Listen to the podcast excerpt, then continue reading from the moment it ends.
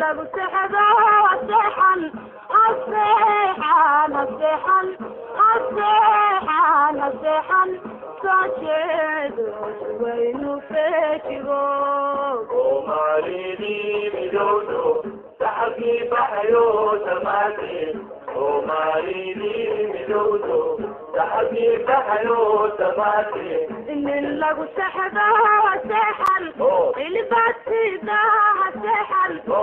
Lagu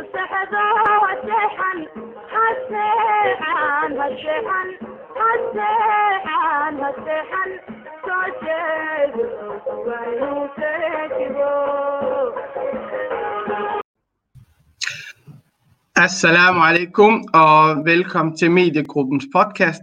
Øh, I dag har vi fornøjelsen af at tale med Ayan Yassin. Ayan hun er i gang med at skrive et øh, Ph.D.-projekt omkring, øh, hvorfor danske statsborgere med somaliske baggrund forlader Danmark til fordel for andre lande. I dagens program vil vi jo gerne snakke om øh, genopdragelsesrejser. Øh, der har været en del artikler i medierne omkring det, hvor der har også været en, en dom. I 2019 har man kriminaliseret genopdragelsesrejser øh, til oprindelseslandene, øh, hvor man mener, at en genopdragelsesrejse er en rejse, der Lad mig lige se, hvad definitionen helt præcis var. Er en rejse, der bringer barnets udvikling og sundhed i alvorlig far. Øh, men øh, velkommen til, Ayan.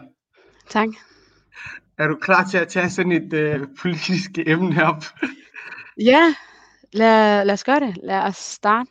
Men jeg Ja. synes faktisk, nu siger jeg det bare, jeg synes, vi skulle måske lige øh, informere seerne om, hvorfor det er, jeg sidder her. Ja. Og det var, hvorfor jeg lige ringer til dig en dag.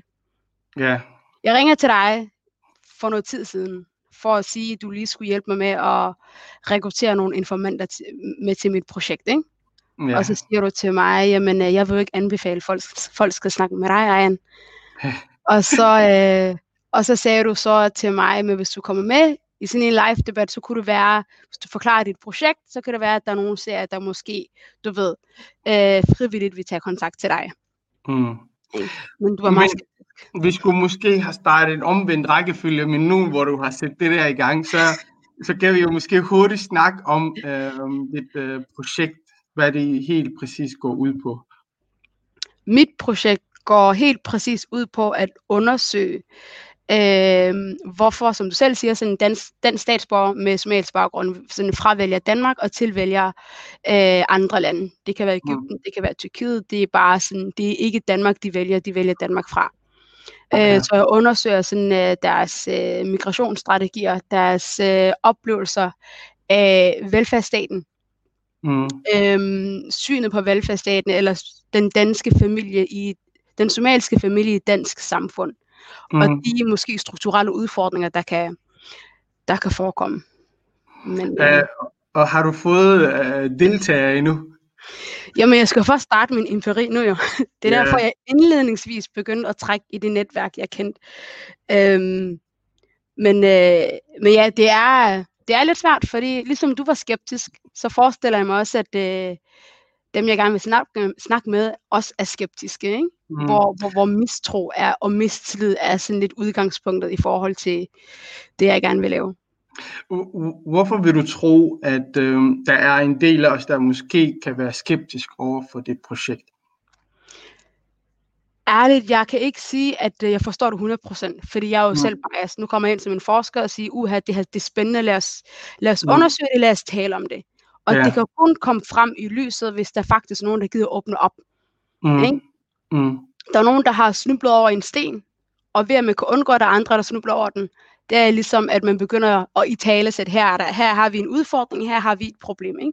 Mm. Øhm, Kan du ikke forstå, at der er nogen, der måske tænker, at øh, forskerområdet er et område, hvor man har sådan politiseret forskning i forhold til, at man skal komme til en visse konklusion, hvis ens forskning eller ens projekt skal tages alvorligt. For eksempel kan jeg give dig et eksempel i forhold til den rapport, der var lavet af RUK i forhold til social kontrol. øh, hvor det kommer, det er jo forskere, ligesom alle andre forskere, som tager deres forskning seriøst, og, bare fordi de kommer frem til en konklusion, der ikke støtter den politiske dagsorden, så vil man ikke bruge deres rapport, og så fjerner man der, uh, rapporten fra Integrationsministeriets hjemmeside. Kan du ikke sige, at uh, kan man ikke forstå så, at der er nogen, der er lidt bange for eller skeptisk, at man sam- planer, uh, sammenplaner politik og forskning? Jo, altså med, med det eksempel, du kommer med, så, så har det også været oppe i debatten i næsten hele sommerferien og, og start efterår. Ikke? Mm. Øh, så jeg, hvis det er med den udgangspunkt, så forstår jeg godt, at folk er skeptiske. Mm. Men du må også kunne forstå, at, at jeg som forsker også sådan lander mellem to øh, stole, så at sige. Altså så, så er man bange for, at de resultater, man kommer frem med, hurtigt bliver taget op af journalister eller politikere, og der kommer nogle, øh, hvor de vælger sådan at fortolke resultaterne, så det passer til en eller anden politisk agenda. Ikke? Mm. Øh, og så snart rapporten er ude, jamen, så, er den i den, så er den i offentlige hænder. Så den er Mm. ude af min kontrol, så at sige. Ikke? Mm. Øh, og på den anden side, hvis jeg så har deltagere eller informanter, vidderligt borgere, der måske sidder inde med guldkorn eller oplevelser eller ting og sager, der kan gøre vores samfund bedre, men mm. de heller ikke vil tale med mig, fordi de er også er bange for, Mm. at jeg måske også har en eller anden agenda, øh, og jeg også måske vil du ved, gøre karriere på deres problemer, eller hvad end nu jeg har fået fortalt, ikke? Mm. så, øh, jamen, så, så, så er der ikke noget forskning tilbage. Altså sådan, så får vi jo en mundkurv på fra, fra, fra begge sider, og så bliver det øh, ærligt talt en ret trist situation. Men kan du, kan du ikke forstå, altså ja, vi kan jo kun udtale os fra somaliernes side jo, altså Mm, mm. vi har jo haft en del øh, udfordringer med medierne og politikere, øh, der misbruger nogle tal og misbruger nogle rapporter for at komme frem med deres politiske syn. Kan du ikke forstå så, at der er nogle somalier, der tænker, vi er virkelig deltager i det her?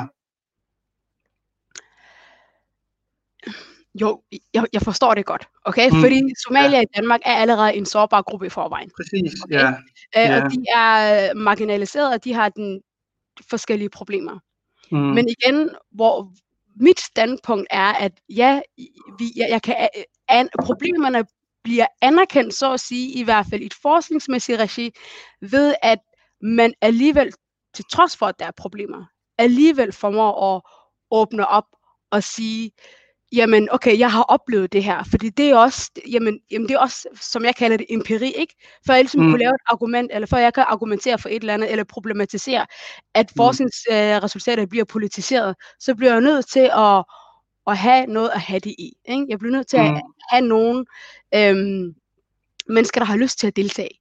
Og jeg Mm. troede faktisk i starten, jeg solgte projektet på, at øh, det, vil- det, det, det er bedre, at det er en som mig, der går ind i, øh, i, i- baglandet og får talt med, med, øh, med dansk statsborger med somalisk baggrund, fordi jeg deler etnicitet, jeg deler kultur, jeg Mm. deler religion, jeg deler køn. Ikke?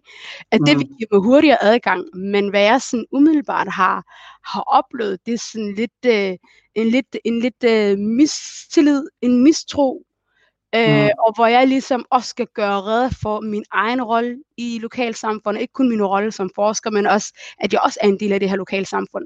Mm. Og, øh, og jeg ikke skal fremstå illoyal, eller, eller jeg faktisk skal sige højt, at jeg er allieret. Mm. Øh, Mm. og, det, og det udfordrer også min objektive rolle i det her, ikke? At kunne tale Mm. om problemerne ligesom uden at tage parti. Mm. Øhm, så ja, men, men jeg har også gjort mig alle, altså de, de, som jeg sagde til dig i telefonen, de tanker, du har gjort dig, der har allerede gjort mig, okay? Jeg har Mm. sådan tænkt frem, efter to og et halvt år, jeg har en afhandling, okay? Mm. Jeg er kommet frem til nogle resultater. De resultater muligvis kan godt tale imod en politisk agenda, eller Mm. det kan måske tale til ind i en politisk agenda. Fordi der allerede har været restriktioner i forhold til statsborgerskab. Der har været, Mm. du ved, øh, man har prøvet at, at begrænse øh, øh, asylansøgere. Mm. Og hvis jeg ligesom siger, jamen her har vi en tendens til, hvor der er folk, der faktisk helt frivilligt med deres statsborgerskab Mm. fravælger velfærdsstaten, så kan jeg da godt forestille mig, at der er nogle politikere, der tænker, hm, det lyder da interessant, lad os lige undersøge det. Altså, mm. har de Mm. taget velfærdsydelser med? Øh, jamen, øh, hvad skal de bruge statsborgerskabet til? Jamen, hvorfor frelægger de så ikke statsborgerskabet? Hvad er det, de, øh, hvad er det, de ikke vil have? Skal vi gøre mere af det, så de sådan alle sammen vælger at, at forlade Danmark, ikke?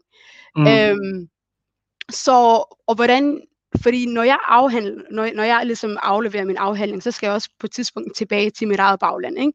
Ja. Og hvis mit navn bliver associeret med en eller anden negativ politisk diskurs, så, diskurs, så går det også ud over min egen integritet. Altså kan jeg i fremtiden øh, lægge antekst til ny forskning, eller, eller hvis vi skriver en artikel og vi taler med folk, så vil folk måske sige, at det var hende der, der lavede den der rapport, og det er hendes skyld, at der er, du ved, øh, nye sanktioner og det ene og det andet. Ikke? Mm, mm, Og det i sig selv, for personligt, er det meget ubehageligt. mm, Men hvor jeg tænker, det der driver mig, det er, at det er netop det her clash. Mistilliden til systemet, mistillid til staten. mm, Øh, og de her kvinder eller de her familier ser velfærdsstaten anderledes, end jeg gør. Og deres erfaringer kan jo også være med til at åbne en debat op, en samtale op, om det måske ikke er hensigtsmæssigt måden, vi lovgiver omkring det ene mm. og det Mm. andet på. Ikke? Vi har, vi har du ved, øh, lovgivning om, at hvis du bor i udsat område, og du, så skal du sende din barn i institution 25 timer om ugen, eksempel. Hvis du ikke gør det, jamen, så er der økonomiske sanktioner. mm. Øh, hele sådan ghettopakken og alt sådan noget.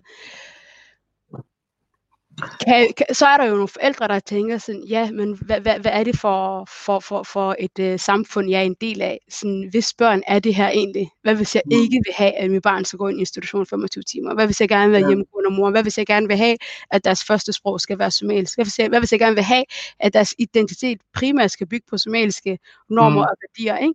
Mm. Øh, og de føler Det, sig det, ting, det ting skal vi nok komme ind på i forhold til genopdragelse. yes.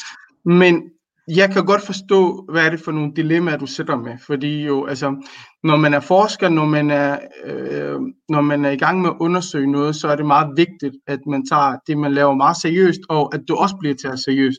Mm. Øh, og der er jo backlashes i alt det, man Mm. foretager sig. Mm. Øh, og jeg kan godt forstå din position øh, og de dilemmaer, du sætter med. Kan du så ikke også forstå de mennesker, du skal måske undersøge, eller vil gerne finde ud af, hvad de tror på, og hvad de mener, at de er også skeptiske. Fordi hvis du går tilbage til øh, altså de sidste 20 år i, i medierne, har man snakket somalier, og hvor øh, mislykket integration har været blandt somalier, og også i forhold til en ghettopakken kom frem, så snakkede man om somaliske kvinder, der ikke er på arbejdsmarkedet, og der ikke kan tale dansk, og lige efter kommer en lovgivning, der handler der, omkring det her med ghettopakken, så kan du ikke sige, kan du ikke forstå, at det her mennesker har dårlige erfaringer med at være en del af projekter og tale med medier osv. Jo, jeg forstår det godt. Ja. Men jeg kommer ikke fra medier. Ja, det, Jeg, det kommer ikke, jeg er ikke journalist. Jeg kommer ikke Ja. fra medier. Jeg prøver Nej, sådan at... Ja. du behøver ikke nødvendigvis være journalist. Du, du er en forsker, du er en person, der skal undersøge noget, og når du har undersøgt noget, jo, så lægger du dine resultater frem. Præcis. Du kan jo ikke bestemme, hvordan de her resultater bliver brugt, og hvad er det for nogle øh, politikere, der kommer til at bruge det. Mm. Men du kan ikke komme væk fra, at det er dig, der har lavet øh, projektet. Ja, ja, Og, det, og det er der, problemet kommer. Selvfølgelig jo, altså, det er altid godt at undersøge, hvad sandheden er, og hvad hedder det, hvordan, hvordan det her mennesker tænker, men der er også den anden side af medaljen i forhold til, hvordan politikere bruger Mm. resultaterne. Mm. Og, og det var mere det, øh, jeg prøvede sådan at forklare dig, men jeg tror, vi forstår hinanden, hvis nu vi går videre til det her med genopdragelse. Okay. Hvad er, hvad er en genopdragelsesrejse? Okay, så... Øhm, okay, tilbage til det her. Øhm, når man siger genopdragelsesrejse på dansk, så får det en form for betydning. Siger Mm. vi genopdragelsesrejse, eller som vi kalder det, Ranalis på somalisk, yeah. så Ja. betyder det på somalisk, at vi returnerer nogen tilbage til en kultur. Så vi vender, det, det er en tilbagevendelse til, til en kultur. Mm, Så når man siger det på somalisk, så handler det om kultur. mm, Når, man, når, vi taler, når vi taler om det i en dansk kontekst, så handler det om en opdragelse, eller noget, der skal genopdrages. Mm, Så på den måde, så synes jeg ikke rigtigt, at der er nogen, der har i tale sat, at de her to begreber eller for, øh, formuleringer har forskellige konnotationer. Taler vi Mm. om opdragelse, eller taler vi om kultur? Eller er det fordi, at opdragelse er kultur, og kultur er opdragelse? Altså på den måde, så har folk måske ikke sådan tænkt yderligere om det, ikke? mm, Øhm, og så er det også, øh, når man taler om genopdragelsesrejse, så er det også vigtigt at understrege, at der er forskel på genopdragelsesrejse og, og en sådan korterevarende ophold i forældrenes oprindelsesland. Og Mm. når, e- når en rejse bliver genopdragelsesrejse, jamen, så er det fordi, at det er længerevarende, så er det fordi, at det er imod barnets vilje, så det bliver en form for tvunget ophold. Og nummer tre, som egentlig er den vigtigste øh, faktor i det her, det er, at øh, årsagen til, at børn bliver, eller børn og unge mænd, børn og unge bliver sendt tilbage til forældrenes oprindelsesland, det er, at forældrene synes, at der er noget, der skal revitaliseres. Der er nogle Mm. børn og unge mennesker, der skal prøve at du ved, reakkumulere den oprindelige somaliske kultur, den oprindelige somaliske forståelse af, hvad det betyder at være somalier. Mm. Og så er det der, det bliver genopdragelsesrejse. Ikke? Mm. Og typisk, og typisk, så har jeg også tænkt yderligere over det her, at det er, når, når nogen fra Danmark bliver sendt hjem til hjemlandet, så er det typisk sådan fire grupper af, af, af unge mennesker. Den ene, det er nogen, der har fået en... Øh, der, er no, der er nogen, der er blevet mentalt syge. Mm. Øh, og så sender man dem tilbage, for, at de, for, at de, for at de ligesom kan få en form for alternativ behandling for, hvad end de nu lider af mentalt. Ikke? Mm. Nummer to, jamen, så, handler, så kan det handle om øh, unge drenge, der dropper ud af skolen, er, er, er, er, som er endt ud i øh, du ved, skødeløsheder, kriminalitet. Så, så, så, så sender forældrene dem også tilbage. Mm. Øhm, det kan også være unge mennesker, der er ud i stofmisbrug, eller misbrug af en eller anden art. Så bliver de også Mm. sendt tilbage.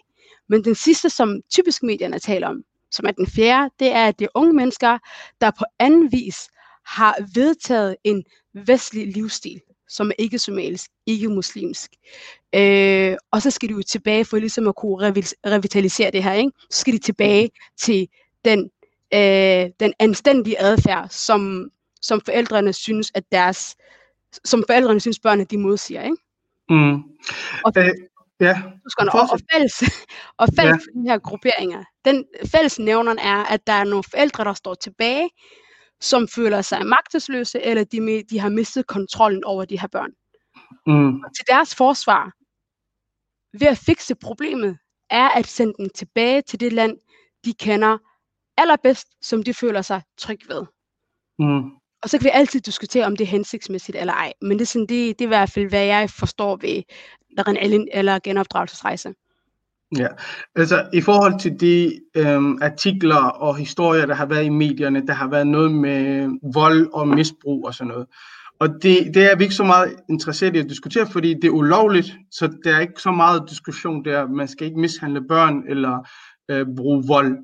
Det, jeg er mere interesseret i at snakke om, det er det her med opdragelsen øh, og de værdier, børnene skal have.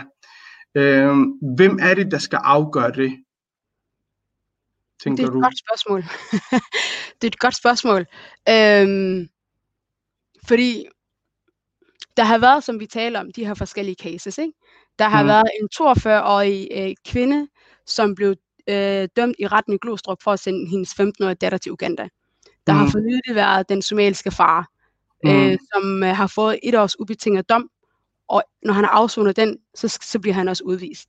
Mm. Og som du også selv kom ind på, så har, så har der været en ændring i lovgivningen siden 2019, hvor man kriminaliserer de her genopdragelsesrejser. Mm. Og regeringen eller statens argument, det er, at vi gerne vil have et sammenhængende dansk samfund, der bygger på samme værdier, hvor der ikke skal være grobund for parallelt samfund. Og vi skal, du ved, bygge på de samme værdier, det vil sige, du ved, frihed, retssikkerhed, ligestilling, generelt danske værdier og normer. Mm. Øh, og hvis man sender børn afsted til, øh, til et ustabilt land, som nogen mener Somalia er, så kommer de her børns sundhed og udvikling i fare. Det er derfor, mm. de har kriminaliseret det. Men på mm. Den anden side, så har vi også forældre, som prøver at opdrage deres børn på bedste vis. Hvor mm. de synes, at de her unge mennesker har været hurtige til at adoptere en, øh, en vestlig livsstil, eksempelvis Mm. øh, og hvor de ligesom mangler deres somalinemmer. Og det, der kan Mm. fikse det, det er, at hvis de nu går tilbage og får en form for øh, øh, fundament for, hvad de er, Mm. men så opstår der et clash, ikke? for så har du forældrene på den ene side, som sender børnene afsted, fordi de mener, at de har et problem. De kan ikke genkende de her børn i deres øjne. De skal have noget kultur, de skal have noget sprog, de skal forstå, hvad er det for en religion, de er en del af. Så bliver det sendt Mm. til Somalia. Men så har vi også et samfund eller en regering, der siger, jamen vi skal have et samfund, der bygger på fælles værdier. Det vil sige danske værdier. Men er regeringen ikke, helt forkert på den, Ayan, fordi i Danmark har vi jo forældreretten. Øh, forældre har ret til at opdrage deres børn og undervise dem, som de selv mener. Det er derfor, Ja. der er friskoler, øh, der er, mm, du har ret til at opdrage dine børn, som du har lyst til. Vi har også religionsfrihed i Danmark. Mm. Mm. Øh, man behøver ikke at have samme værdier, så længe man overholder lovgivning. Så hvorfor skal regeringen blande sig i, at, øh, hvad, hvad er det for nogle værdier, det her børn skal have? Er det ikke forældrenes ansvar? primært er det forældrenes ansvar. Men jeg tror, argumentet ligger i, at hvis barnets tag ikke bliver overholdt, og hvis Mm. forældrene bryder barnets tag, jamen så må regeringen eller samfundet komme ind og gribe an. Okay, to sekunder. Så hvis du har et barn, et, et somalisk barn, okay, født og opvokset i Danmark, øh, Mm. han ender ud i noget kriminalitet, stofmisbrug, whatever. Hun har fået en eller anden, du ved, korrupt vestlig livsstil. Hun går ikke med tørklæde, hun gør Lad, os lige, lad os det lige ene og det definere andet. To, to sekunder. Hvis det Ja. barn bliver sendt til Somalia, højst sandsynligt, det enkelte barn føler ikke, at det tilhører det somaliske lokalsamfund, fordi de ikke kan sproget, de har manglende somaliske kundskaber, okay? Mm. Nummer to, de får det her stigma af lokalsamfundet, det fedt, hvorfor der kan alles af. Nummer tre i det her, Mohammed, det er, at jeg tror, at de her børn, fordi man har taget den her beslutning øh, på deres vejen, vil opleve en form for svigt, og måske et decideret overgreb fra, fra, fra, fra forældrenes side. Så mister de tilliden og respekten til forældrene, Og værst af det hele er, at hvis de her børn bliver sendt tilbage på genopdragelsesrejse, og de kommer tilbage, så mm. bliver de enten anbragt, eller du ved, sendt på krisecenter. Så hvad, hvad man vil løse problemet med, bliver jo uhensigtsmæssigt, fordi A, man bryder barnets tag, og alle de her konsekvenser, der kommer af den her beslutning, er jo heller ikke hensigtsmæssigt. Øh, det er fordi, problemet det er, at vi har ikke styr på definitionerne. Vi skal lige have styr på, hvad det helt vil sige, at man er blevet for dansk, for eksempel. Hvad betyder det? Tænker du, man er blevet for dansk? Hvad er det? Jamen, igen, Okay, det kommer, du behøver ikke at svare på det. Ja, Det kommer an på, øjet... Jeg giver dig et eksempel. I den seneste uge her, de sidste par uger, har der været en øh, irakisk pige med kurdiske baggrund, øh, der er blevet bortført af hendes forældre, taget tilbage øh, til der, hvor de kommer fra. Øh, og den her pige, jo, øh, hun er ikke dansk statsborger, men Mm. mm. hendes forældre har valgt at tage tilbage øh, til der, hvor de oprindeligt er fra, fordi åbenbart de kunne ikke få øh, statsborgerskab her, så faren han har besluttet for at tage tilbage. Mm. Øh, den øh, øh, ud fra vi kunne læse, det var sådan noget med, at, hun, at hendes far har bortført hende øh, tilbage, og hun var blevet for dansk. Det betyder, at hun tager til fester, hun drikker, øh, ryger og alle det her ting. Øh, for det første, det første jeg tænker på det er, hvordan kan man som en far bortføre sin egen datter? Mm. Øh, især når hun er under 18 år. Altså, det er jo Mm. Det er faren og familien, der har forældremyndigheden der jo. Det må være Mm. forældrene, der tager beslutninger for, hvad der er bedst for det her barn. Nummer to, det er, lad os nu antage, okay, hun er, begy- øh, hun er taget, begyndt at tage til fester, hun er begyndt at ryge og have en anden livsstil. Hvad er problemet med, hvis forældrene siger, jamen det, det her, det accepterer vi ikke, det er imod vores værdier og vores kultur. Hvad skulle der være et problem i det? Fordi forældrene har jo ret til at opdrage deres børn, som de selv mener er rigtigt. Det er rigtigt. Forældrene har retten til at opdrage deres børn, som Mhm. de ser an. Okay, det tror jeg ikke, at der er nogen, der er uenige i. Men jeg tror, med, med det eksempel, du kommer med, det er, at for det første, hun er 17, så hun har jo en stemme, og jeg tror, beslutningen var blevet taget på vegne af hende igen. Ikke? Hun har ikke været involveret i det her. Og spørgsmålet er, hvis du siger, for at, at, at, at være for dansk er, at man ryger og fester, og du ved det ene og det andet. Den slags aktiviteter foregår jo også i hele verden. Det foregår også i muslimske lande. Så det, så det eksempel er jo ikke et eksempel på at være dansk. Det er, jo det, det er jo det, man... Altså, hvis du læser artiklerne, det er jo det, der står. Det er jo det, Mm. der står i forhold til det, man mener med, at man er blevet for dansk. Mhm. Øh, og selvom man er 17 år, og man har en stemme, så er der stadigvæk nogle forældre, der har forældremyndigheden i, det her, i, i, i den her piges liv. Det vil sige, det er forældrene, der skal tage beslutninger på vegne af hende. Øh, så det du siger, det er, skal barnet være altid enig i, hvad forældrene mener? Altså, eller, øh, skal man altid søge accept hos børnene? søge accept hos børnene, hvis det er beslutninger, der vedrører deres liv? Ja. Er hun 17? Ja. Men prøv at høre, det, det er ikke fordi, at jeg grundlæggende er uenig med dig, okay? Mm. Hvis, hvis jeg vil opdrage mine to sønner, jeg vil godt præge dem. Jeg vil godt præge dem i forhold til, at de også skal dele de værdier, jeg har. Mm. Okay? Forestil dig en, en, en, en venstreorienteret, venstreorienteret forældre, hvis barn lige pludselig bliver, du ved, stemmer nyborgerlige. Der vil også Ja. være en konflikt. Okay? Mm. Så jeg tror, som forældre, man ønsker i og for sig, at man kan kigge på sit barn, og man kan se sig selv.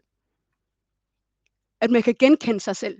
Mm. Men der, hvor jeg tænker problemet i hvert fald for, for, for det danske mindretal i Danmark, det er, at der er nogle forældre, der kigger på deres børn og siger, det er godt være, at vi har samme hudfarve, men vi er slet ikke ens. Mm. Og så vil man som forældre, hvilket vil være meget naturligt, at sige, jeg må gøre noget, før at jeg kan, du ved, give den opdragelse, jeg synes er anstændigt. Mm. Og så må det bare, når det er? Skal barnet være enig i det, du mener er det rigtige opdragelse? Skal, du, skal barnet hele tiden acceptere din måde at være forældre på? Jamen, spørgsmål, altså, du, du siger accept hele tiden. Ja, men, Men det er fordi, tror- jeg tror- jeg jo, tror, det mod... Ja, fortsæt bare. Forældre har et syn på, hvad identitet er eksempelvis, hvad, Soma- hvad, hvad somalinemmer er. Mm. Så hvis barnet ikke opfylder den form for identitet, jamen så må forældrene, hvis de synes, det er deres beslutning, så må de gøre, hvad de kan, og, hvad, og de må spille med de kort, de har i hånden, for at de kan give de værdier videre til deres Mm. barn. Men, men som forældre må også acceptere, at der er en vis begrænsning. Men du siger et barn, er det et barn på 7 år, jamen så kan du præge barnet meget mere. Men Mm. er det et barn på 17 år, der begynder at abonnere på nogle andre værdier, som du ikke abonnerer på, Mm. taget i betragtning af, Mohammed, at det måske ikke er helt ved siden af, at hvis et barn er født og op, opvokset i Danmark, eller i Vesten, så at sige, Mm. har forskellige sådan identitets, identitetsmæssige orienteringer, okay? Mm. Det kan måske være dansk på den ene måde, være somalisk på den anden måde. Og hvis Mm. forældrene måske ikke anerkender den her f- identitet, der er lidt flydende, det er ikke, det er ikke kun én identitet, som er at være somalisk, og hvad end det betyder, være, hvad end det nu betyder at være somalier, ikke? Så jeg Mm. tror, min appel til det her, det er, at er barnet 17, så må man tage samtalen med barnet. Men, men Er barnet 7 år, jamen så må man måske præge det barn så godt, som man nu kan, men med alligevel at anerkende, at man som forældre er alligevel ret begrænset. Så malam hey kuma mahan, dad kaa badan iyo biyo kaa badan way ku hafiyaan. Okay. jeg, jeg accepterer ikke det der. Men, øh, er så- Øh. at man er, okay fortsæt. Se, se, det, det jeg vil komme frem til, det er, altså, det er fordi, jeg vil gerne komme frem til, hvem tilhører barnet. Er Mm. det forældrene, eller er det staten? Øhm, Mm. Fordi vi kan alle sammen blive enige om, det er altid en rigtig god idé at have god dialog med ens børn, prøve at påvirke dem på en anden måde, prøve at sådan tale til dem som voksen, alle det her ting. Mm-hmm. Men hvad nu, hvis man er uenig? Hvem, Hvem er uenig? har det sidste ord i, i det her? Fordi når man har forældremyndighed, så er det jo, så skal du tage beslutninger på vegne af dine børn. Mm-hmm. Og det nødvendigvis er de ikke enige med dig i, at de måske skal komme hjem klokken øh, 8, hvor de selv vil gerne komme hjem klokken 10 om aftenen. Hvor, så hvis nu man er helt uenig om det her ting, hvem, hvem skal så tage den afgørende beslutning? Er det ikke forældrene? Mohammed, jeg synes, der er en kæmpe, kæmpe forskel i, om barnet på 17 år vælger at komme hjem kl. 12, når, når, forældrene siger, at du skal være hjemme kl. 10, okay? Opdragelse på den måde er en ting, men der, hvor der sker et clash her, det er grundlæggende forståelse af, hvem får lov til at støbe og forme barnets identitet, okay? Præcis, ja. Så Præcis, er det forældrene, der skal, er det, er det forældrene, der har retten til at støbe barnet som en somalisk identitet, ergo som være i Somalia, lære noget kultur, sprog og religion, okay? Mm. Eller, som du, så, som du selv kommer ind på, eller er det, fordi staten har en, en, en for stor rolle i det her? Og der er der 100% en diskussion, okay? Vi har Mm. alle mulige lovgivninger om, at vi skal, vi skal have, du ved, fremtidige produktive borgere og tidlig indsats, og det ene og det andet, hvor staten som en aktør kommer rigtig, rigtig tæt ind på den enkelte familie. Hvor mm. nogle forældre, som jeg også argumenterer for i mit projekt, synes, at det er totalt grænseoverskridende. Mm. Det er grænseoverskridende på det punkt, at hvor går grænsen? Hvornår, Præcis. hvornår må jeg som mor sige, nej, det må han ikke, han skal måske ikke på efterskole? Mm. Eller er det fordi, at sagsbehandleren har en større, du ved jeg ikke, øhm, en større magt i det her, og kan tale Mhm. for, at det enkelte barn skal på kostskole, eller efterskole, eller højskole, whatever it is, ikke? Mm. Og det der er jeg, mit projekt også kommer ind på, det er en spændende diskussion at have, fordi vi har alle de her tiltag, som virker ret barmhjertigt fra staten, fordi man jo gerne vil sikre, at alle børn får en rigtig, rigtig god start på livet, okay? Mm. Men hvad, hvad samfundet, det øvrige samfund abonnerer på at være den rigtige opdragelse, eller de rigtige kulturværdier, kommer i klemme med den enkelte somaliske families opdragelse for, hvad jeg synes er anstændigt. Hvad jeg Mm. gerne vil have, min datter skal være. Hvad jeg gerne vil have, min søn skal være. Og i den mm. samtale sker der konflikter. Mm. Fordi man, der var også en, der skrev til mig, øh, fordi jeg skrev sådan noget med, at jamen, øh, så kan man argumentere for, at staten bliver den tredje forældre i det her. Ikke? Hvor staten Mhm. kommer ind med en økonomisk kapital, kulturel kapital, social kapital. De kan gå ind og, og, og, og gøre nogle ting, den enkelte fami- familie måske ikke har kendskab til, eller, eller kan kæmpe imod. Ikke? Mm. Så får man en, en, en, en, en, en, øh, en, en somalisk familie i Danmark, der føler sig magtesløs. Værst af alt frihedsbyrået på deres forældreskab.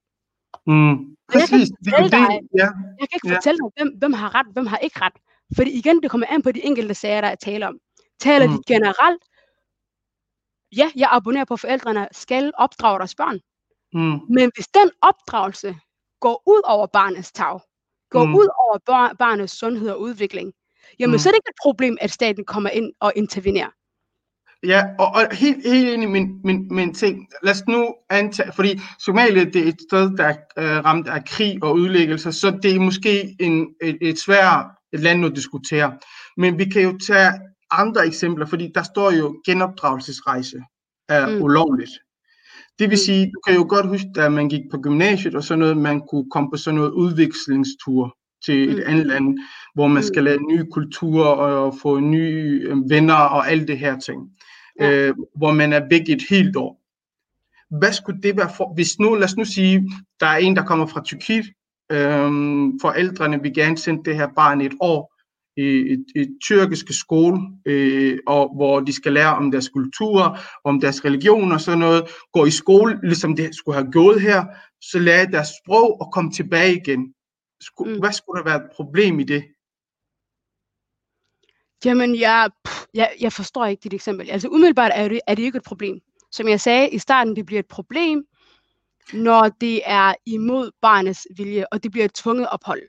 Mm. Og hvor årsagen er, i hvert fald- fra forældrenes side, er, at vi skal prøve at re- revitalisere det her barn. Det skal tilbage. Hvor barnet måske ikke, eller de unge mennesker ikke ser problemet. Giver det mening? Ja, så det, det fordi- opstår et konflikt, konflikt mellem barnet og forældre, ikke? Øh, altså, nogle af de typiske eksempler, man hører om, det er, det er typisk måske en dreng mellem, 16, øh, mellem 14 og 16 år, er ved at bevæge sig ind i det her kriminelle miljø, Mm. hvor forældrene tænker, okay, han skal i hvert fald væk herfra. Mm. Øh, hvis han ikke går væk herfra, så kommer han enten i fængsel, Mm. eller er han, så dør han. Altså, så skal han bare væk fra det her område. Han skal gå over og se, hvordan det virkelige liv er, hvordan andre mennesker lever, så måske de kan ændre, hvad hedder det, Hans opfattelse. Præcis.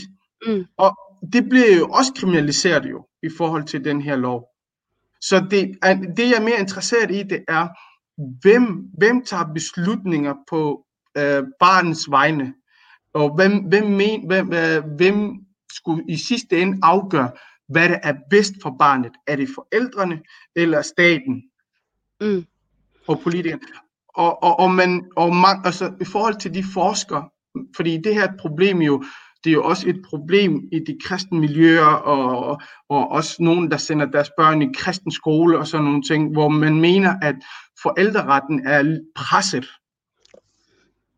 Ja, Mohammed, jeg synes, du, du blander mange ting sammen. Okay, lad os gå tilbage til, at du siger, at der er en, en ung somalisk fyr, der er endt uden i kriminalitet Mm. Okay. øh, Mm. i Danmark. Så tænker Ja. forældrene, okay, det her, det, det, det her unge, unge menneske, de, det skal væk fra det miljø, det negative miljø, det er en del af. Så vi sender Mm. ham til Somalia. Okay? Ja. Så Mm. han kan måske få, få lidt afstand, og måske også få lidt indblik i, hvor hårdt folk har det egentlig, Mm. reelt i hjemlandet. Mm. et klassisk eksempel. Så siger du til mig, jamen øh, den beslutning kan blive kriminaliseret, fordi de bliver kategoriseret som genopdragelsesrejse. Mm. Men ligger der en, en, en, øh, en, øh, en, ja, det, man kan måske godt argumentere, at der ligger en genopdragelsesrejses element i det, fordi man tænker, at det her barn, det skal, det skal måske tilbage til rødderne for at få lidt øh, større selvindsigt i, at de måske har det godt, og de har øh, ødelagt de muligheder, de har, for eksempel i de Mm. nordiske mm. velfærdsstater. Ja. Om det tiltag bliver kriminaliseret, det ved jeg ikke. Men det gør det, hvis, hvis, hvis, hvis det unge menneske kontakter myndighederne, fordi at han siger, jeg vil gerne tilbage, men mine forældre vil ikke tage mig tilbage. Så Mm. kommer jo staten ind og intervenerer. Det er jo Men- der, men- det er jo der konflikterne opstår, at det er barnet, der bliver sendt afsted, kommer i klem, fordi at, øh, at de, at barnet vil ikke være, den unge, men- det, det unge menneske vil ikke være der. Så kontakter Mm. de myndighederne, og så bliver myndighederne involveret. Mm. Jeg Mm. var, jeg, jeg var i, i, øh, i, i Cairo i mellem 13 og 14. Så var der øh, en af mine fædre, havde den her unge dreng på besøg fra Norge. Ja. Øh, og forældrene var ikke med ham. Så var han, han blev sat ind i, i en, ma- en mahad, hvor, hvor du ved, forskellige malamin skulle undervise ham. Men de var også rigtig strenge, så, så han var 17-18 år. Han, de sagde sådan noget med, at jamen, du må ikke komme ind, hvis du uh, kommer hjem efter klokken 6 eller 7. Okay? Nu, nu præciserer jeg bare, jeg kan ikke huske de, de, de rigtige detaljer. Mm. Øh, og så siger han til min fætter, øh, de penge forældrene sender til mig, dem ser jeg ikke. Hvis jeg kommer for sent hjem, så bliver jeg slået øh, af de her, de her undervisere. Så han siger til min fætter, du ringer til mine forældre og siger, hvis de ikke kommer nu, så henvender jeg mig til myndighederne. Så min Mm. fætter ringer til hans forældre og siger, du ved, Harla, du er dig. Du skal snakke med din søn. Mm. Og den dreng var ude i noget kriminalitet. Og han tikkede sine forældre om at komme tilbage. Han siger, jeg har set, hvad I gerne vil fortælle mig. Jeg ved godt, at jeg skal vende mit liv om. Jeg vil gerne tilbage. Jeg skal nok tage en uddannelse. Så kommer faren hen til ham, og hvor drengen tror, at han skal tilbage til Norge. Så har de købt en billet, hvor han, hvor, hvor han skal videre til Brø i Somalia. Mm. Så problemet for mig her, det er, at det gør, forældrene vil noget godt. Det, jeg anfægter ikke, at deres intentioner ikke er gode. De prøver vidderligt at fikse et problem, fordi de føler sig magtesløse. De har ikke kontrol over de her børn. Men, men den slutter ikke bare der. Fordi når så barnet har set pointen i, at de skal prøve at forstå den tilværelse, de er i, og de så alligevel siger til forældrene, jeg vil gerne tilbage, og de ikke må komme tilbage, for de ikke har deres pas. Men det er jo, Det er er jo ikke, kontakt. ja. Men det er jo ikke det, det handler, det er jo, ja, så, er de, jo- så er de jo galt på det. Altså, det er jo ikke det, vi snakker om. Vi snakker bare om, at man sender et barn et sted, som de ikke har lyst til, øh, og det går til undervisning og alt det der, men det vil ikke være der, for eksempel. Præcis. Er det så ulovligt? For det første er jeg ikke nogen jurist, okay? Jeg kan, jeg kan, jeg Nej, kan, henvise sig til, hvad der står i retsinformationen. Ja, Der står, at det bliver ja. ulovligt, hvis man, hvis man finder grundlag for, at det, at det enkelte barns sundhed og udvikling kommer i fare. Kan man Ja. argumentere for det, jamen så bliver det ulovligt. Mm. Og det, det er jo det, der er galt med den her lovgivning jo, fordi altså, jeg er helt med på, hvis man sender børnene et sted, hvor de bliver mishandlet og slået og vold og alle det her ting, det, det er ulovligt, så der er ikke noget Mm. diskussion der. Diskussionen kommer, når man gør noget, som øh, flertal ikke er enige om, eller opdrager ens børn på en måde, hvor det ikke er mainstream øh, hvor man opdrager børnene med, med sine egne værdier og overbevisninger. Mhm. Og så lige pludselig er barnet ikke enig i det. Og Mm. så klager man over det og siger, at mine, mine forældre de synes, jeg er for dansk, jeg er det ene og det andet. Og så har det her øh, forældre problemer med myndighederne. Mhm. Og det ser jeg jo som øh, et pres på forældreretten, fordi så længe forældrene ikke mishandler deres børn eller slår deres børn, har det, har det ret til at opdrage dem, som de mener er det rigtige. Mm. Og den ret bliver presset, fordi hvis du går ind og kigger på, hvad der er sket ifølge lovgivningen i de sidste par år, er der kommet den her lov med, at øh, hvis man bor i et udsat område, så skal man sende sit barn, når det har fyldt et år, til en, en daginstitution, så det kan lære om danske værdier og kultur. Hvorfor skal staten blande sig i det? Det, det, det er sådan nogle ting jo, altså, jeg har et problem med. Mm. Jeg forstår godt din øh, Mm, problem, og jeg deler din frustration. ja. Men det er også, jeg kan ikke besvare det her for det første, fordi det er ikke det, jeg forsker i, okay? Til mit Nej, nej, nej, men det er en samtale.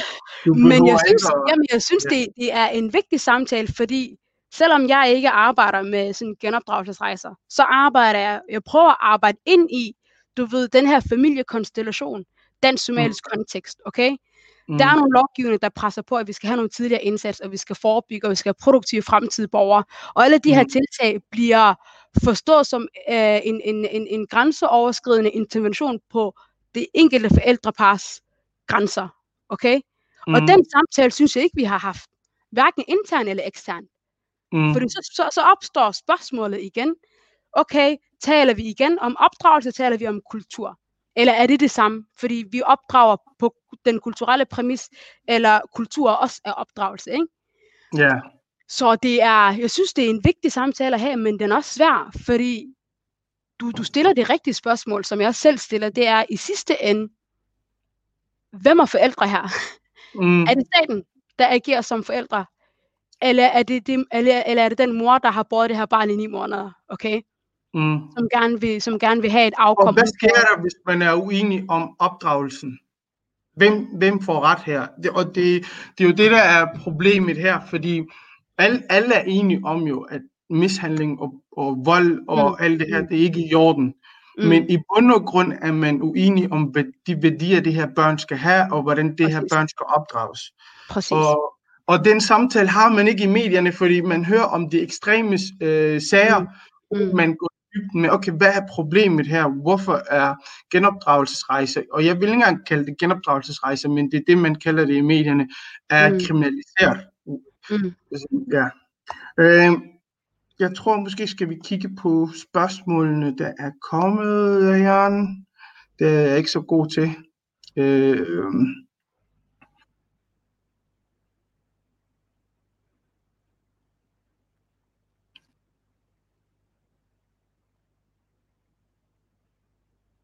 Der, øh, Mahad han skriver her, enig, øh, der er en sammenblanding af begreberne. Det første ulovligt, når der er tale om tvang og en længerevarende.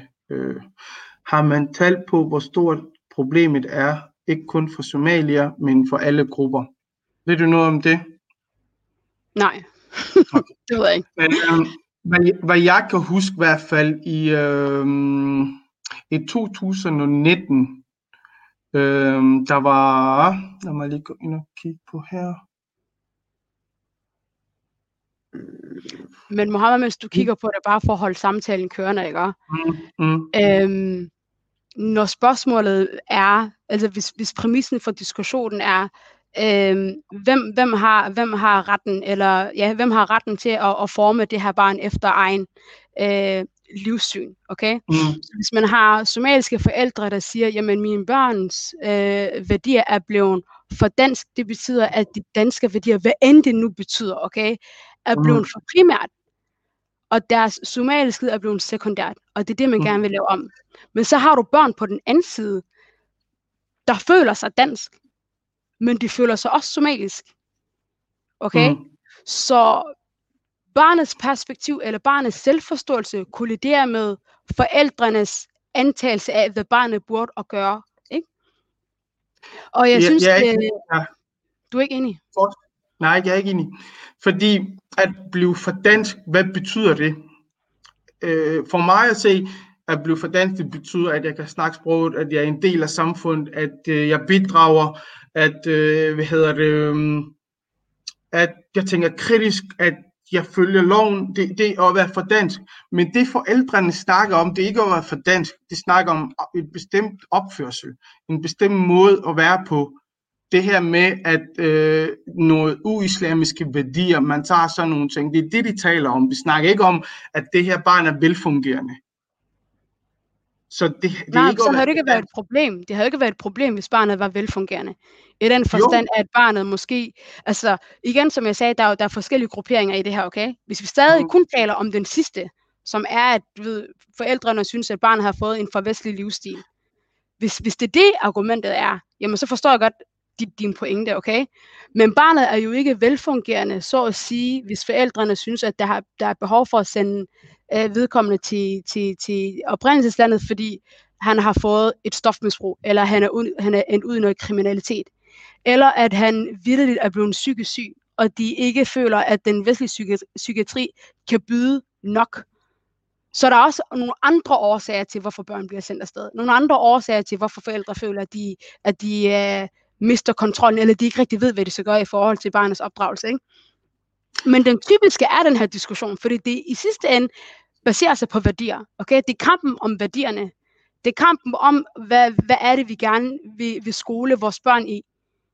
Vi kan, Og- vi, kan, vi kan begge to blive enige om, Ayan, at forældre, det vil alt, de ønsker det, det bedste for deres børn, lige meget hvem det er, om de er danskere, somalier, araber, de, de ønsker det bedste for deres børn. Mm. Og jeg har aldrig oplevet øh, forældre med indvandrerbaggrund eller somalisk baggrund, der siger, at øh, de har et problem med, at deres børn er en del af samfundet, er, er, er en, øh, hvad hedder det, kan tale dansk, har danske venner. Det er ikke det, der er problemet. Mm. Problemet det er, når de gør noget uislamiske ting, som de er uenige med. For eksempel tage til fester, drikke. Og det, det gør man er ikke i Somalia, eller hvad? To be honest. Og, det, og sådan noget eksisterer ikke i Somalia. Det, det snakker vi ikke om. Det, det behøver, det, det, det, fordi det eksisterer over det hele. Det er derfor, det er derfor, Det er heller ikke meningen, det handler at ikke om at være for dansk. Det handler ikke om at være for dansk. Det handler om, at man er uenig med nogle ting, man, som er et normalitet i samfundet. For eksempel, at teenager tager til fester og drikker og har kærester og sådan nogle ting. Det er helt normalt i Danmark. Men det Mhm. mener de forældre ikke. Okay. Og det er derfor, medierne snakker om, at man er blevet for dansk. Det, at, at man har en kæreste, eller man drikker, det har ikke noget med at være for dansk at gøre jo. Det gør man over det hele jo. Det er jo et opførsel, man vil have et problem med, om man er i Danmark, eller om man er i Somalia, eller om man er et andet sted jo. Mm. Så øh, jeg har fundet øh, noget, noget tal her. Øh, I 2019 har der været ni sager anmeldt til politiet. Så, Okay. så ved vi det. Det vil sige, problemet er ikke så stort, som man gør det til, men det, det er noget, man snakker meget om i medierne. Men det er stadig ni sager for meget. Men heldigvis er det jo ikke repræsentativt, ikke? 100 procent, ja. Mm-hmm. Øh, jeg må lige kigge ind og kigge på, om der er nogle, det er nogle kommentarer, det er ikke nogle spørgsmål, de fleste af det. Øh, jeg kan ikke se, øh, faktisk må hun skrive, jeg kan ikke se, hvordan det er svært at forske sit eget folk. Øh, det vil man jo aldrig se om en hvide dansker, der forsker danske grupper, øh, bydeler eller områder. Mm. Ayan Yassin vil i min vil i min mening være den bedste forsker til at forske Somalia, da hun kunne nuancere og vil have adgang til bredere kilder. Og det, det er jo rigtigt nok. Ja. Men øh, Mona spørger også, hvordan, un, hvordan undgår du at være biased? Altså, det må være svært at forske i sit eget folk.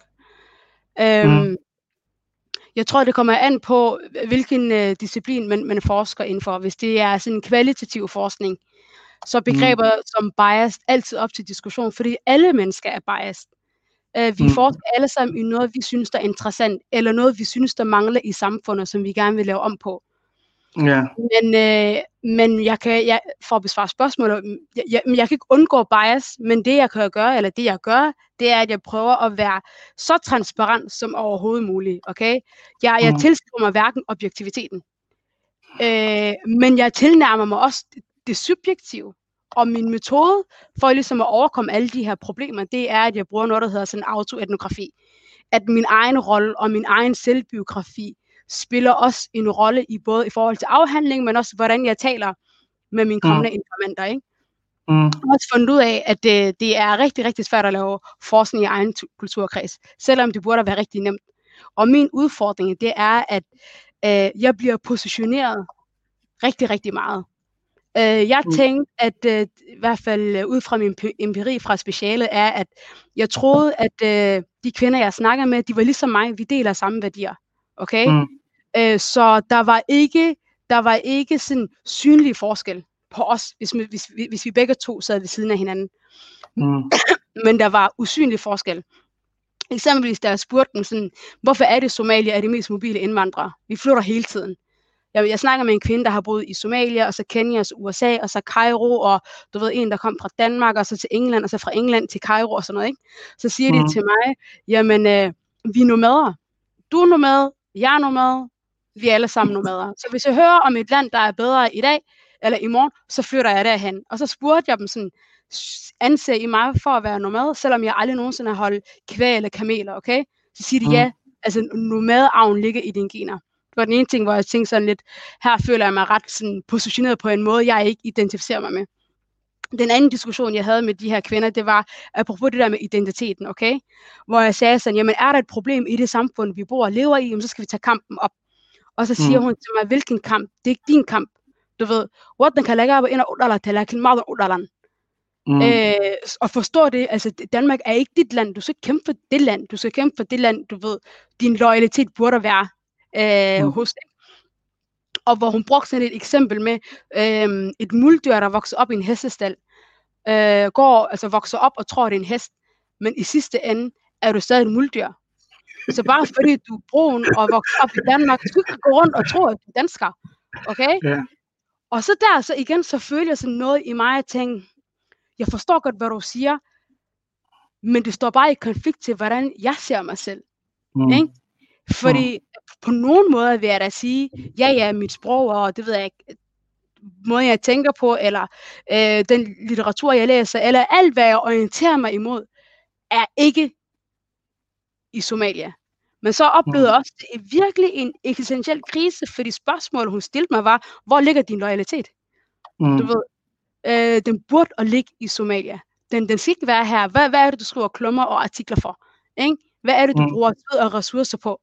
Og hvis vi har forældre, der har den indstilling, og det er børn på anden eller tredje generation, der vokser op i Danmark, og de stadig får fortalt, det er ikke her, du skal slå rødder. Det er ikke her, du har hjemme. Men, Men det det er, her men, barn alligevel føler sig som en del af samfundet. Okay? men er det ikke det, bør, man, vi får at vide af højrefløjten også jo? Det er jo ikke, det, det er jo ikke dansker, du kan aldrig blive dansker. Det, er jo, det, er jo, det går jo begge veje jo. det er det, min konklusion var, da jeg sad og læste, du ved, øh, min interview, det var, at øh, de her kvinder, jeg snakker med, har, altså, har næsten de samme holdninger til integration, som DF og Nye Borgerlige har.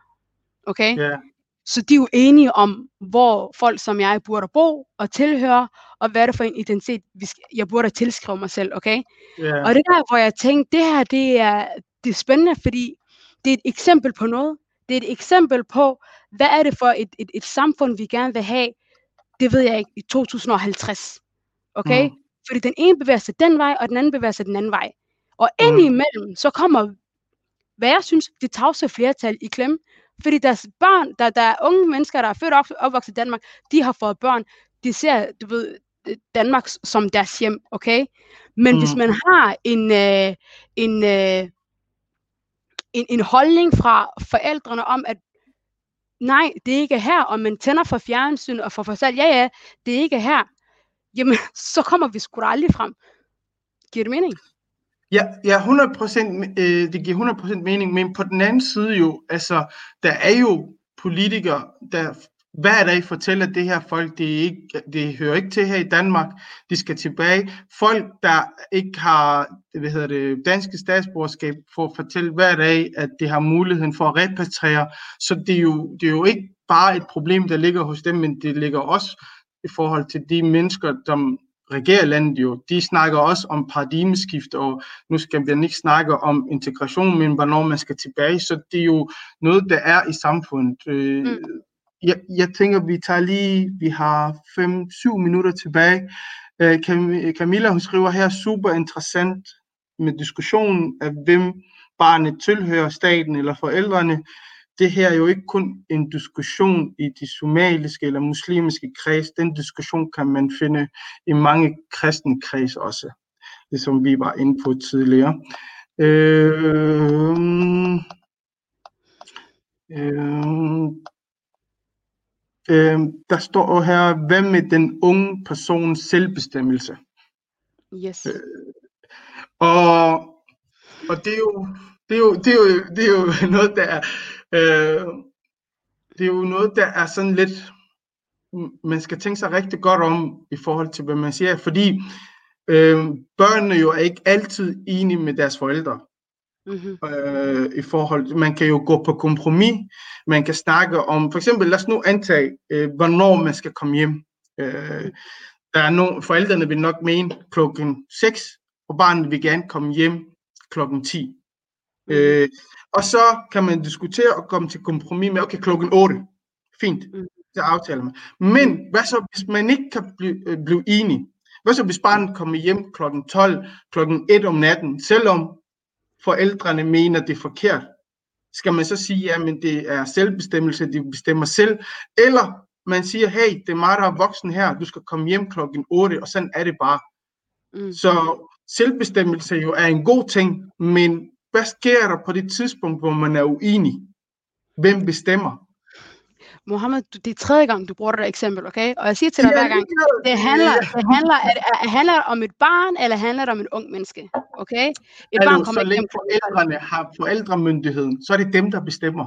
Ja, men Er prøv at høre, hvad jeg siger. Ja, ja, ja, men i forhold til dit eksempel, hvis du siger, at det er et barn, der kommer hjem klokken 12, der er ikke nogen børn, der kommer hjem klokken 12. Vi taler om et ung menneske, okay? Som, Okay, som, som, som, 16 år. Ja, ja, som godt kan tage beslutninger, okay?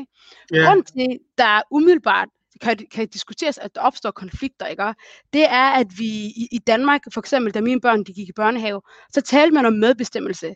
Barnet også, man skulle spørge ind til sådan, jamen hvad har I lyst til at spise i dag? De skal have en form for demokratisk øh, øh, forståelse af, at deres stemme også er vigtig, okay? Og det er børn, der vokser op med en forståelse af, at min stemme er vigtig. Og, øh, og i højere grad en større selvindsigt, end, end, end jeg havde, da jeg var barn. Jeg vidste ikke engang, hvad for nogle holdninger jeg havde, okay? Men mine børn, de, de, i hvert fald den ældste, står meget klart i forhold til, hvad han synes er rigtigt og forkert. Men grund til, at der opstår generelt en konflikt i det her, Mohammed, det er, at øh, kender du sådan en øh, diskussion om øh, den omvendte trekant, okay? Så du har en, en, en trekant, der vender om. Så i, Mm. i en dansk opdragelse, så er øh, barnets frihed meget indskrænket.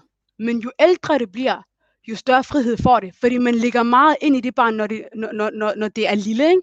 Så noget Mm. med, du ved, frihed under eget ansvar. Øh, du ved, øh, aftaler betyder noget. Det er de her øh, værdier, vi abonnerer på. Det her, det er vores familiemæssige identitet. Det er det, vi går Mm. ind for. Men jo Mm. ældre barnet bliver, jo større frihed får det også til at navigere i det her. 100 procent. Problemet, problemet med os, det er, at det er bare en trekant. Så når barnet er lille, har det ekstremt meget frihed. Okay? Det må gøre, hvad det vil, og hoppe rundt og lege, og det ene og det andet. Men jo ældre barnet bliver, jo mere indskrænker vi den her frihed. Mm. Og så er det der, du kan sige, okay, men hvad hvis barnet ikke har lyst til at, at komme hjem klokken 10? Hvad hvis det her unge menneske gerne vil ud og, og deltage i 9. klasses afslutning, gerne vil til bakken eksempelvis? Okay? Mm. Mm. Så det er der igen, der opstår en, en klassisk konflikt mellem, jamen er det så forældrene, der bestemmer? Ja, øh, øh, juridisk set, jamen så er det, burde, så er det forældrene, der bestemmer, barnet lever under deres tag, ikke? Mm. Men hvorfor er det, diskussionerne opstår? Det er, fordi vi ikke har haft den i meget, vi, har, vi, vi, tager dem for sent. Hold nu op. Hold nu op, for Hold nu op. Forældre og børn skændes hver dag om Yes. alt muligt. Det er, ikke, det er ikke noget nyt, eller noget, det er noget, der altid eksisteret. Og når man er i teenagealderen, så er man aldrig enig med sine forældre. Mm. Og der kommer på et tidspunkt, vi er alle sammen enige om det, du sagde med, okay, børnene skal have lidt mere øh, selvbestemmelse, det, er de skal også høres og alle det her ting. Enig. Men der kommer et clash på et tidspunkt, mm-hmm. hvor der skal tages et valg. Mm-hmm. Og det er jo, hvem er det, der tager det her? Skal man bare acceptere, børnene kommer hjem, når de har lyst til alt det? Jeg Og det, siger jeg siger bare, det er- det, Mohammed. Jeg Jeg siger, siger, jeg har og aldrig det er sagt, der, man skal kommer jo. Ja. Det, er det ikke der, clashen kommer? Det, jamen, måske, måske for dig, men jeg siger, det såkaldte clash, det kommer ikke fordi forældrene opdrager, men når forældrene opdrager, og det går ud over barnets tag. Jamen, så der, er vi har et problem. tag? Kan du forklare, hvad barnets tag er? Vi bruger begrebet hele tiden. øh, barnets primære ret til trivsel og sikkerhed, eksempelvis. Der er sundhed, Hvem der ved, hvad der er bedst for barnets øh, sikkerhed og barnets udvikling? Er det forældrene, eller det er øh, samfundet, for eksempel? Jamen, begge dele vel. Godt. Ja, men så, så er vi jo enige. Det, altså det her med, at jeg har jo, når vi arbejder med familier, der har få tvangsfjernet deres børn, og, og også nogle forældre, der ikke ved præcis, hvad de skal gøre. Nogle af de her forældre har problemer med, at deres børn for eksempel kommer hjem sent om, om, om natten. Øh, de tager stoffer. Øh, de drikker i hverdagen. Det er ikke bare, det er ikke bare hvad hedder det, weekender og alle det her ting, som andre gør, selvom det også er forkert. Men så står det her forældre og er magtesløse. De ved ikke, hvad de skal gøre. Det her børn, de hører ikke efter. De Mhm. kommer og går, når de har lyst til. Så har man jo et problem. Du har et Øh, problem. Ja, som et forældre. Og det er Mm. mere det, jeg snakker om. Det snakker man ikke så meget om. Man snakker om børnenes tag og børnenes selvbestemmelse. Men forældre har jo også rettigheder. Det har jo også forældremyndigheden. Det må du kunne afgøre, hvornår deres barn skal komme hjem. Mm, mm. Så, så okay, så jeg synes, det var et godt eksempel. Sig, du har et ung menneske, der drikker sig stiv dag ind og dag ud. Okay, det er på stoffer. Mhm. Forældrene tænker, at det her barn er ude af min kontrol. Jeg ved ikke, hvad det laver. Jeg ved ikke, hvad, den, hvad, han, er, hvad han er afhængig af. Han går ikke Ja. i skole, han er dropper ud. Han, Ja. han, er, han er på afvej. Så, kan, så kommer min andet appel her, okay? I stedet for at sige, det her barn, vi sender det tilbage. Der er rigtig, rigtig mange ressourcer, man kan trække på i landet. nem, Man kan råbe højt, man kan tale med forældrene, man kan tale med sagsbehandlere, man kan finde ud af, okay, skal, vi, skal, skal han på rehab, skal jeg tale med lægen. Det siger bare, at der er mange, mange muligheder for at fikse et problem, mm, inden det er at booke en billet, og så sende ham til faster og tante, okay, som barnet Mm. slet ikke kender, og ikke, og, og ikke har sprog til. Det, det synes jeg er mere uhensigtsmæssigt, end at sige, jamen lad os tage fat i problemet, hvor det er. mm. Og, og det handler jo bare om, om det ikke ved, hvad er det for nogle muligheder, det har. Selvfølgelig jo, Mm. altså det, er jo, det handler også om det. Men i bund og grund, det jeg oplever, det er, at det handler om, hvem, hvem tilhører barnet, hvem skal tage øh, den sidste beslutning på barnets vegne. Og så k- snakker man meget om, at der er pres på forældreretten. Det kommer fra konkurrencestaten. For eksempel, staten er jo interesseret i, at det her børn går i skole, lærer det, de skal, så de kan komme på arbejdsmarkedet, og så kan de tilbage til samfundet. Øh, man er også interesseret, øh, øh, der er også den her politiske pres, hvor mm, ved grund af, at de, de mener, at der er integrationsproblemer, så skal man gribe fat der, og så øh, presse de forældre, der bor i ghettoområderne. Så der er mange ting, der spiller ind. Øhm, og vi kan blive ved med at snakke om det her, men tiden er løbet. Jeg vil lige snakke lidt med dig til sidst øh, på somalisk. Waxaa la yidhi qoftan maxaa ka wareysanaysiin af soomaali ma taqaano masiyaru maxaa dhehi lahayd Asmaal waan garanayaa. baxdan waan ku samayn karaa. ha- waxaa la Mid yidhi ayaa argument lacagii ah. nagu- lacagii nagu qaadanaysaa la yidhi ayaan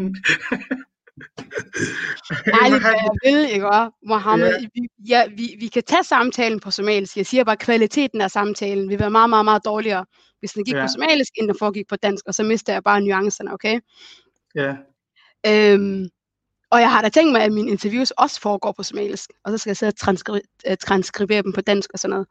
Men øh, jeg kan godt tale somalisk. Kunne have lært at høre det. so inaad dadka lacag ku qaadatid lacag inaad ku qaadatid ma rabtid iyo inaad ku soo caanbaxdid dadkaaga iyo ma rabtid miya Jeg synes, det er, det er kritisk. Det er kritisk, at du siger det der, okay? Ja, det er jo det, de skriver jo. at det- Aniga, Det var Jeg synes, det er kritisk, fordi, fordi jeg, har, jeg har en idé om dem, der, de folk, der, der spørger, om jeg gør karriere på det her, okay? Ja, Øh, er folk, der måske ikke selv laver noget. ja, Øhm, når jeg kigger på, øh, i hvert fald ud fra mit special og, og, og, og mit nuværende forskningsprojekt, ikke? Og jeg tænker, at det handler ikke kun om, fordi mennesker, de, de har, de, men, altså siden menneskehedens historie, så har mennesker jo bare vandret. De har flyttet fra Mhm. det ene sted til det andet sted. Så selve Mhm. sådan migration og det at flytte sig, har, er ikke et problem. mm, Men hvorfor er det, det bliver et problem? Når der Mm. kommer de her etniske og kulturelle faktorer over. Fordi de taler ind i en samfundsmæssig samhørighed, nogen synes, vi, nogen synes, vi mister. Okay? Og hvis øh, 70 procent af den somaliske befolkning i Danmark er under 30, okay? Og vi, og vi har en tendens hos forældrene, der siger, jamen, øh, for at vi kan ligesom holde fast ved vores børn, jamen, så skal de til udlandet og ligesom dannes dernede, i stedet for, at Mm. de skal dannes her, fordi der er noget i strukturen, og der er noget i samfundet, der presser dem ud. Mm. så vil jeg hellere have, at vi skal tale om de her strukturelle udfordringer, forældrene møder. Lad det være Mm. sagsbehandlere, lad det være underviserne. Whatever it is, der gør, at de ikke føler, at de kan gøre deres forældre, altså sådan udføre deres rolle som forældre i Danmark, og de skal forses ud. Og, Mm. hvad, og hvad, er det, hvad, hvad, hvad er det for et samfund, de møder i udlandet? Mm. Hvad er det for et samfund, de møder i Istanbul? Hvorfor er det, de lige pludselig får det bedre og bliver entreprenører, og deres børn bliver, altså kommer på internationale royale skoler, og de trives dernede? Hvorfor trives de ikke her? Ja. Altså, giver det mening? Ja, ja. Ja, vi men jeg- med- Ja, men altså, altså grund til, at jeg hele tiden is- insisterer på i debatten her, om hvem tilhører barnet. Mm. Fordi det vi tit hører, det er, at der er nogle børn og unge, der tror deres forældre med myndighederne. Hvis forældrene ikke accepterer, hvem de er. Det vil sige, at forældrene bliver umyndiggjort jo. Det er sådan noget med, jamen hvis jeg ikke får lov til at have, gøre det her, så klager jeg til myndighederne. Så lige Mm. pludselig er det myndighederne, der er forældrene, og, Mm. og ikke selve forældrene. Og Mm. det er det, vi ser i forhold til de forældre, vi snakker med. Og det, Mm. det snakker man aldrig om. Man snakker om barnets tag, barnets tag, men hvad med forældrerettighederne? Det her forældre jo, de er jo ikke monster, de vil jo gerne have det bedste for deres børn. Men de har bare en anden regelsæt og værdisæt end resten af samfundet. Og, og det er der plads til i Danmark jo. Øh, forældre har ret til at opdrage deres børn, som de mener er rigtigt. Mm. Og det var mere det, jeg ville komme frem til. Og i forhold til det her med, øh, ayaan maxay soomaalidu uga hadlaysaa iyo maxay waxaan u samaynaysaa horta waa muhiim dadkeenna inaan la hadli karno soo dhaweysan karno oo annaka isbaari karno intii dad kalena baari lahaayeen. Dee ma fahmi qof de- deenishiinta ma- dad kale deenishka soomaalida maalin kastii baaraan.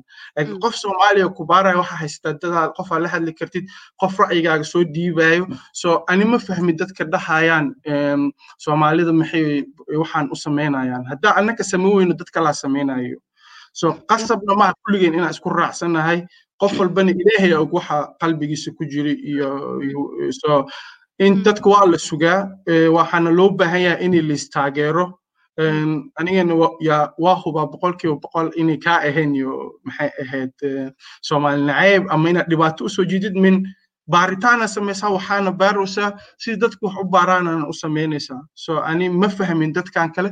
Luuqadana iyo qofka wuxuu uu- uu uu ku hadli karo ku hadlayo af soomaalina waa taqaanaa so dadkan ha u bixin waxaaga wado si klimbira Waa mahadsantahay. Iska dhan. Yes. Jeg tror, vi siger tak for i dag, Jan.